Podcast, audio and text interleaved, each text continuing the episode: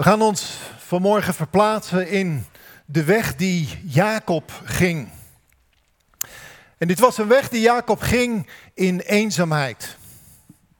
Jacob was namelijk op de vlucht voor zijn broer Esau. En we pakken het verhaal op van Jacob in hoofdstuk 28 van Genesis. En wat eraan vooraf is gegaan, is dat Jacob dacht heel slim te zijn. Jacob dacht met de hulp van zijn moeder om zijn toekomst veilig te stellen. Kent het verhaal misschien wel van dat verhaal, eh, het verhaal van de, van de linzensoep en ook dat stuk vlees wat Jacob dan had gebraden uh, voor zijn vader die, die blind was. En uh, hij deed net alsof hij Esau was om dat eerst geboorterecht en dus eigenlijk ook alle erfenis voor hem veilig te stellen. Maar het, het pakte dus anders uit. Zijn broer, heel terecht, voelde zich vreselijk bedrogen door Jacob. En Esau heeft het plan om hem om te brengen.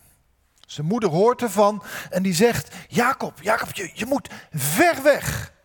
Ga naar je oom Laban uit het land waar ik vandaan kom, want daar ben je veilig voor je broer. En Jacob die opeens, dat is een vluchteling. Hij dacht alles te gaan bezitten en nou reist hij van alles op weg naar niets. Van hoop om straks alles te bezitten, moet hij nu verder in het, lege, in het leven met lege handen. Gebroken dromen. En hij is niet alleen een vluchteling. Want als vluchteling kan je nog zeggen van er is mij iets overkomen. Maar Jacob gaat ook verder als een bedrieger. Jacob wordt door zijn eigen broer verstoten.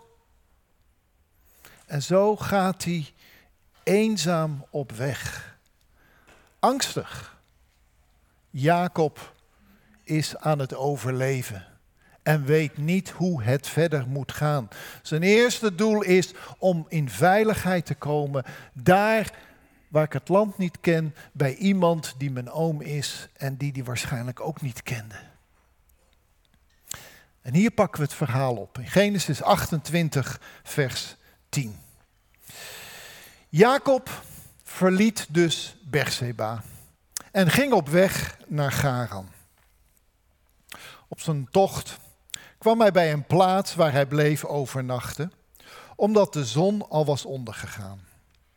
Hij pakte een van de stenen die daar lagen, legde die onder zijn hoofd en ging op die plaats liggen slapen. Toen kreeg hij een droom. Hij zag een ladder die op de aarde stond en helemaal tot de hemel reikte. En daarlangs zag hij Gods engelen omhoog gaan en afdalen. Ook zag hij de Heer. Hij zag de Heer bij zich staan. En die zei: Ik ben de Heer, de God van je voorvader Abraham en de God van Isaac. En het land waarop je nu ligt te slapen, zal ik aan jou en je nakomelingen geven. Je zult zoveel nakomelingen krijgen als er stof op de aarde is. Je gebied zal zich uitbreiden naar het westen en het oosten, naar het noorden en het zuiden. In jou en je nakomelingen zullen alle volken op aarde gezegend worden. Ikzelf sta je terzijde. Ik zal je overal beschermen waar je ook heen gaat. En ik zal je naar dit land terugbrengen. Ik zal je niet alleen laten totdat ik gedaan heb wat ik je heb beloofd. En toen werd Jacob wakker. Dit is zeker, zei hij, op deze plaats is de Heer aanwezig. En ik besefte het niet. Eerbied vervulde hem. Wat een onzagwekkende plaats is dit, zei hij. Dit is niets anders dan het huis van God. Dit moet de poort van de hemel zijn. De volgende morgen Heel vroeg zette Jacob de steen die hij als hoofdsteen had gebruikt rechtop. Hij wijde hem door er olie over uit te gieten. Hij gaf die plaats de naam Bethel, maar voordien heette die stad Lutz. En hij legde een gelofte af. Als God mij terzijde staat en mij op deze reis beschermt, en als Hij mij brood te eten geeft en kleren aan mijn lichaam, en als ik veilig terugkom bij mijn verwanten, dan zal de Heer mijn God zijn. De steen die ik heb gewijd, zal dan een huis van God worden. En ik beloof dat ik u dan een tiende deel zal afstaan van alles wat u mij geeft. Jacob die begeeft zich als het ware naar de uitgang. Hij begeeft zich naar de uitgang om heel eenzaam van het toneel te verdwijnen. Waarschijnlijk dacht hij, dit was het. Ik had de kans, het is allemaal verspeeld, het is voor mij over en uit. Hij bevindt zich op een, in een situatie en hij bevindt zich op een plek in een, in een niemandsland waar hij niet wilde zijn. En het is in deze situatie van geen hoop, een uitzichtloze situatie, dat God tot zijn eigen verrassing tot hem komt. En God die komt tot hem in zijn slaap. En dat is bijzonder. Want als je op de vlucht bent en je bent alleen, is slapen een van de meest gevaarlijke dingen die je kunt doen. Want je weet niet wat er gebeurt. Je hebt dan geen controle. Je, kijkt, je kunt niet het gevaar zien aankomen, want je slaapt. Vandaar dat als je met een groep bent, is altijd de afspraak, wie houdt de wacht? Zodat de anderen rustig kunnen slapen. Maar Jacob is alleen. Helemaal alleen. En toch moet hij slapen. Ik kan me daar heel moeilijk iets bij voorstellen, want zo'n ervaring van alleen op de vlucht zijn heb ik nooit gehad. Maar ik probeer me erin te verplaatsen van hoe angstig dat moet zijn. En nog belangrijker, het is juist als Jacob op zijn allerkwetsbaarst is. Dus als hij slaapt terwijl hij op de vlucht is. En dat Jacob als het ware niets aan het doen is. En dus ook niet bezig is om tot God te bidden of God te zoeken. Nee, misschien is hij wel doodmoe gewoon in slaap gevallen en dacht hij nergens aan. En dan vindt God hem. Dat Jacob slaapt betekent ook dat Jacob niet op zoek was naar God. Jacob had niet een agenda van, oké, ik zit in de problemen, God hier, u moet me helpen. Niks van dat alles. Misschien was Jacob wel klaar met God. Of dacht Jacob, God is nu helemaal klaar met mij. Ik kan het bij God wel vergeten. En dan tot zijn eigen verrassing. En hij spreekt het dan ook uit als hij wakker wordt na die droom. Hij zegt, die, de Heer was hier. Dat had ik nou echt niet verwacht. En dat zegt iets over de wereld waarin wij leven. De wereld, en we zeggen het heel makkelijk, de wereld is door God geschapen, de wereld is van God en wij zijn van God. En vaak beseffen we niet wat we daarmee beleiden. Want dat betekent dat als de wereld van God is, dat op elke plek waar wij ons bevinden, en in elke situatie waarin wij ons bevinden, dat God er altijd bij kan.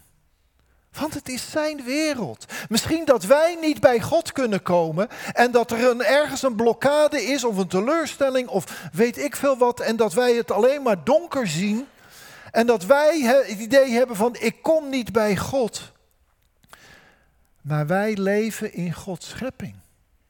En God kan altijd bij ons komen. En dat is de verrassing die Jacob had. Hij zei van, de Heer was hier. Op de plek waar ik hem totaal niet had verwacht. Misschien een wat, wat gekke illustratie, maar uh, misschien kennen jullie wel die, die pretparken of de kermis of wat groter Disneyland. En dan ga je in die attracties in een wagentje of een bootje. En dan is het donker en er zijn lichtjes. En dat moet een heel avontuur zijn. En dan ga je hier om de bocht. En je, je bevindt je dan in een hele andere wereld. Ik weet niet of het jullie wel eens overkomen, is overkomen. Maar het kan wel eens gebeuren dat het wagentje stopt. Alles meegemaakt dat je dan ergens met elkaar zat en zegt van ja, en nu? Sommigen die hebben dat volgens mij wel meegemaakt. Uh, er zijn ook kinderen die denken van oeh, maar stel je voor. En dan moet je als ouders de kinderen geruststellen. Nee, maar het komt allemaal goed. Hoe weet je zelf ook niet, maar... En wat mij altijd opvalt, als er iets gebeurt, dan is er in dat decor blijkt er altijd ergens een deurtje te zijn. En op een gegeven moment gaat dat deurtje open en komt er een technicus aanzetten. En die gaat rommelen en die doet het weer. Dat ding, die attractie, is gemaakt door mensen. En die weten dus waar ze overal, als er problemen zijn, erbij kunnen komen. Want het is hun ding. Ze hebben het ontworpen en ze hebben dus voorzorgsmaatregelen genomen. En je ziet het niet, maar op een gegeven moment denk je van, hé, hey, daar is een deurtje.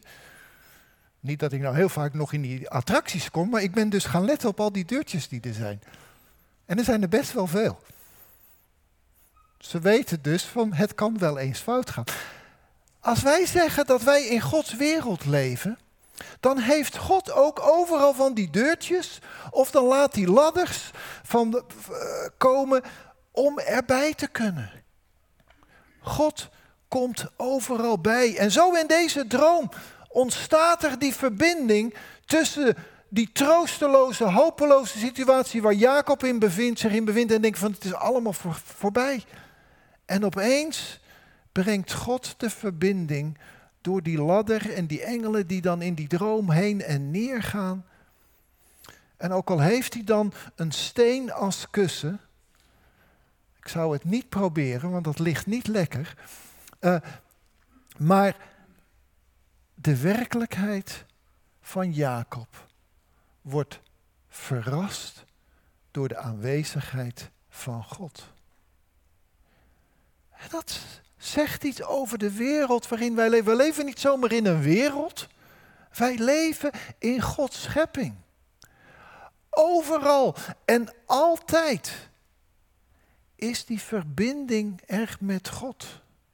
Zoals we ook in ons lied gezongen hebben. Er is geen afstand. Wij ervaren dat misschien. En de situaties kunnen dusdanig zijn dat wij dat, die afstand voelen. Maar het is nog altijd een afstand die wij voelen in Gods schepping. En die verbinding legt God steeds weer opnieuw.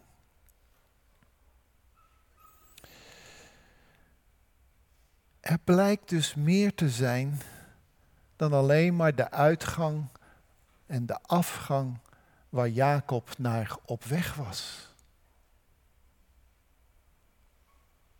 En in welke situaties in jullie eigen leven moet je misschien nu wel denken waar je dacht van, Heer, waar bent u nu? Of dat het allemaal zo anders loopt en dat opeens ervaar je, maar God is er wel bij. En je bent dan net zo verrast als Jacob. Bijzondere wat God doet. En laten we niet vergeten wie Jacob is op deze weg. Is dat God zich verbindt met de vluchteling. Met iemand die geen hoop heeft, maar ook een vluchteling die dus niet te vertrouwen is. Hij is de bedrieger. En God laat zich dus in met iemand die een slechte reputatie heeft. Het is niet iemand die zegt van, ah, tragisch voorval, maar zo'n goede vent. Nee, dit is iemand die zegt van nou, ga jij maar je gang, want jij bent niet te vertrouwen. Met jou wil ik niet gezien worden. En God spreekt juist deze persoon aan. En de woorden die, die God tot Jacob zegt, zijn hele bekende, vertrouwde woorden. God die herhaalt de belofte die hij ook al aan zijn vader en aan zijn opa Abraham gegeven had. Van dat land waarop je ligt. Dat heb ik voor jullie beloofd. Zodat jullie tot zegen zullen zijn. Jij en je nageslacht voor alle omliggende volken. Dus, dus Jacob krijgt in deze droom een, een lesje geschiedenis. Zo van, dit heb ik je beloofd aan je vader en aan zijn vader. En die belofte geldt nog steeds. Ook voor jou, al ben je een bedrieger. Maar in deze situatie zijn er nog drie meer woorden die God specifiek tot Jacob spreekt in deze situatie. Drie beloftes van God aan Jacob. En de eerste belofte is, ik sta je terzijde. En dat is bijzonder. Zelfs als het bewijs tegen jou spreekt, en als al het bewijs duidelijk is dat jij de bedrieger bent die niet te vertrouwen is, dan nog laat ik jou niet alleen. Het is ook belangrijk te realiseren wat God niet zegt. God gaat niet de feiten verdraaien. God gaat niet zeggen, nou ja, goed, het was allemaal niet zo gelukkig, maar. Hè. Nee, feit blijft. God verdraait de feiten niet. God vergoeilijkt het niet. Hij zegt van, dit was niet hoe je dat moet doen. Maar hij zegt wel, ik laat je niet vallen. Ik laat je niet alleen. God gaat met hem mee. Maar wat God niet doet, is misschien wat wij in zo'n situatie allemaal verwachten en hopen. Oh Heer, ik heb iets heel stoms gedaan. Breng daar verandering in. Wat God niet tegen Jacob zegt van oké, kom, we gaan weer terug. Uh, ik zal zorgen dat Esau verandert. Nee, Jacob moet wel verder. God zegt niet, die weg die je moet gaan, daar breng ik verandering in. Nee, dit is de weg die je moet gaan, maar ik ga wel met je mee. Heel vaak denken wij van, oh Heer, breng toch verandering, zodat mijn weg niet door die moeilijke situatie gaat. De Heer zegt vaak, nee, dat is de weg die je moet gaan. Dat is moeilijk, lastig. Maar ik sta je terzijde. Ik laat je niet alleen gaan op die weg. Tweede, ik zal je beschermen.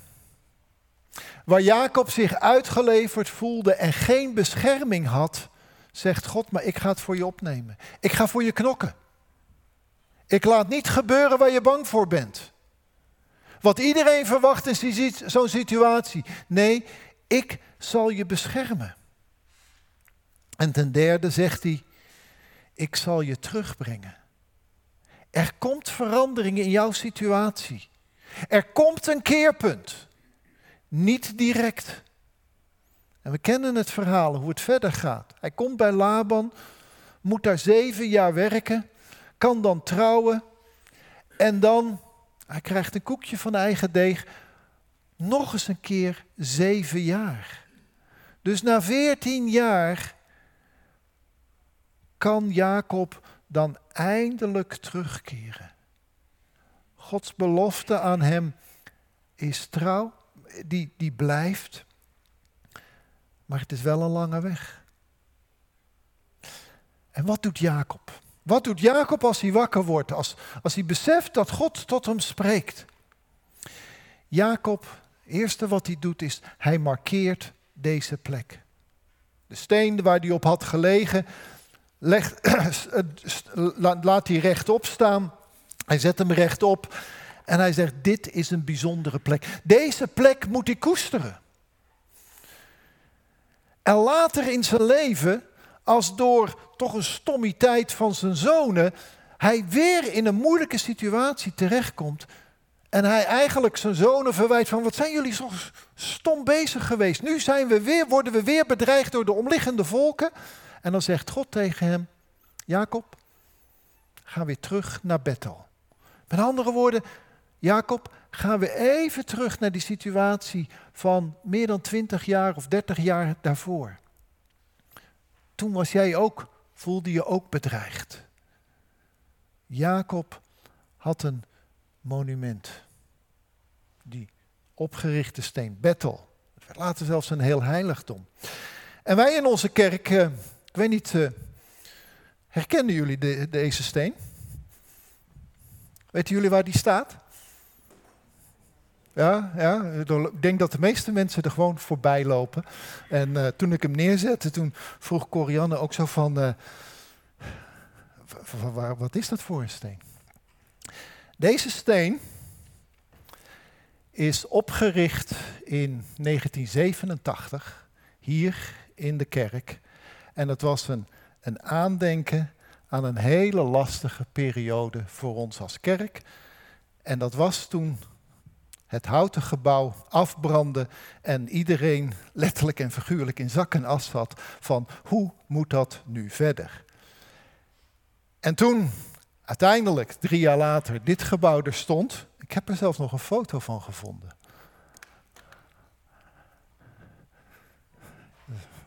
Wat jonger, Jan. en uh, dat was Benno en ik meen Sofieke. Die hebben toen, toen was dat deel was er nog niet, hebben hier die steen opgericht. En de tekst die daarop staat is ook de tekst uit Genesis 28. En we hebben dat moment gemarkeerd. En hoe gaat het met monumenten? Dat plaatje moet iemand eens een keer vastlijmen, want dat zit los. Die steen die zit wel goed vast, dus dat, dat is goed. Monumenten, de, de, op een gegeven moment is het deel van het interieur en je, je weet het niet meer. En toch moet je je iedere keer er weer aan herinneren. Want de gemeente is sindsdien ook door heel wat andere stormen gegaan. Maar zoals toen, en ik kan me dat moment nog herinneren dat het houten gebouw wat hier stond, helemaal verwoest, verbrand. En je denkt van hoe moet dit nu verder? En er is gebeden, er is gezocht. En de Heer heeft zijn zegen gegeven. En we hebben dat gemarkeerd. En die markering hebben we steeds weer nodig. Als we door moeilijke tijden gaan, dat we zeggen, nee, maar de Heer laat het werk van zijn handen niet varen. En de gemeente gaat steeds verder, door soms moeilijke periodes heen. Jacob doet nog meer. Het tweede wat hij doet, is dat hij een gelofte aflegt. Als God zo is, dan zal ik God als mijn Heer dienen. En dat is bijzonder. Daar lezen we misschien overheen. Want Jacob dacht door slimmigheid zichzelf te dienen. Hij dacht van God, die kan ik goed gebruiken voor mijn eigen zaakje. En als het niet helemaal gaat, dan een leugentje om best wil, zodat ik toch krijg wat ik moet hebben. Maar Jacob zegt, als God zo is, dan wil ik me met al mijn listen, wil ik niet mezelf dienen, maar wil ik de Heer dienen. Wil ik God dienen als mijn Heer. En vervolgens zegt hij, en dat maak ik ook nog heel concreet, dat tiende van alles wat u mij geeft, en dat is meer dan alleen maar financiën. Van alles wat u mij geeft, tiende daarvan geef ik terug aan u. En zo in dit verhaal zijn er, is het de belofte van God en de gelofte van Jacob. En die twee die horen bij elkaar. Want als we die loskoppelen, dan gaat het fout. Als we alleen maar de gelofte hebben en die niet weten te koppelen aan Gods belofte, en niet de gelofte doen uit dankbaarheid en de verwondering die Jacob had van, maar God was hier. Als we die gelofte gewoon maar losknippen, dan wordt die gelofte een, een moeten. Oh, ik moet dit en ik moet dat. En op een gegeven moment zeg je van, ik ben zat, ik doe het niet meer. Want die doet ook niks en die maakt er maar een potje van. Ja, ik ben wel gek als ik alleen doorga.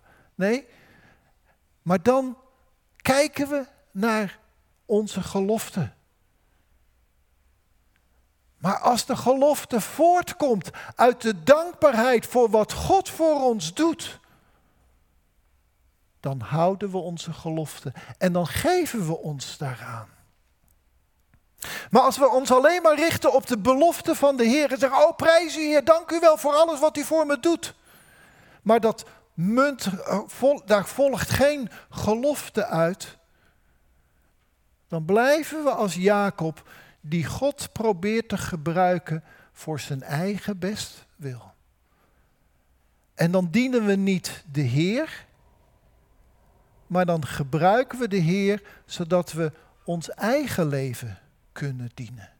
Dus belofte en gelofte, die horen bij elkaar. Als we die uit elkaar gaan halen, dan gaat het fout.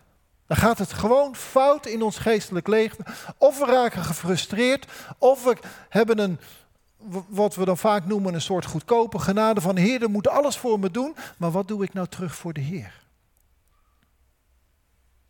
Dat is mijn vraag en ik wil beginnen bij de gelofte. de vraag aan ons allemaal weer te stellen, wat doe jij voor God? Met je tijd, met de gaven en talenten die je van Hem hebt gekregen en je geld. Wat doe jij voor God? En je kan hem concreter invullen, maar het hoeft niet zo smal. Zeg van wat doe jij voor de gemeente, voor de gemeenschap? Maar het werk van God is breder dan alleen maar de gemeente. Maar die vraag zullen we ons allemaal moeten stellen. Wat doe jij voor God? Nou kan het zijn dat deze vraag je irriteert. komt hij weer? Wat ik de terugvraag willen stellen, dan van, ga dan eens onderzoeken waar die irritatie bij je vandaan komt. Of misschien denk je wel van, oh, dan moeten we weer wat. Dan wil ik zeggen van, maar waar is de dankbaarheid en de verwondering over wat God doet in je leven? Of misschien zeg je wel van, ik heb helemaal geen tijd. Dan zeg ik, de tijd is je van God gegeven. Misschien moet je eens een keer naar je agenda kijken om een aantal prioriteiten bij te stellen, zodat er wel tijd is voor God. En misschien zeg je wel van, ja, maar ik ben zo back af. Misschien heb je dan wel te veel vanuit het moeten gehandeld. En wordt het tijd dat je zegt van, en nou wil ik me op God richten. Zodat die vreugde en de dankbaarheid weer terugkomt. En dat kan dan betekenen dat sommige mensen moeten zeggen, nee, dan moet ik mijn taak niet meer doen, want dit is nu echt een moeten geworden. En die dankbaarheid, die is helemaal weg en de frustratie en de irritatie is veel en veel te groot.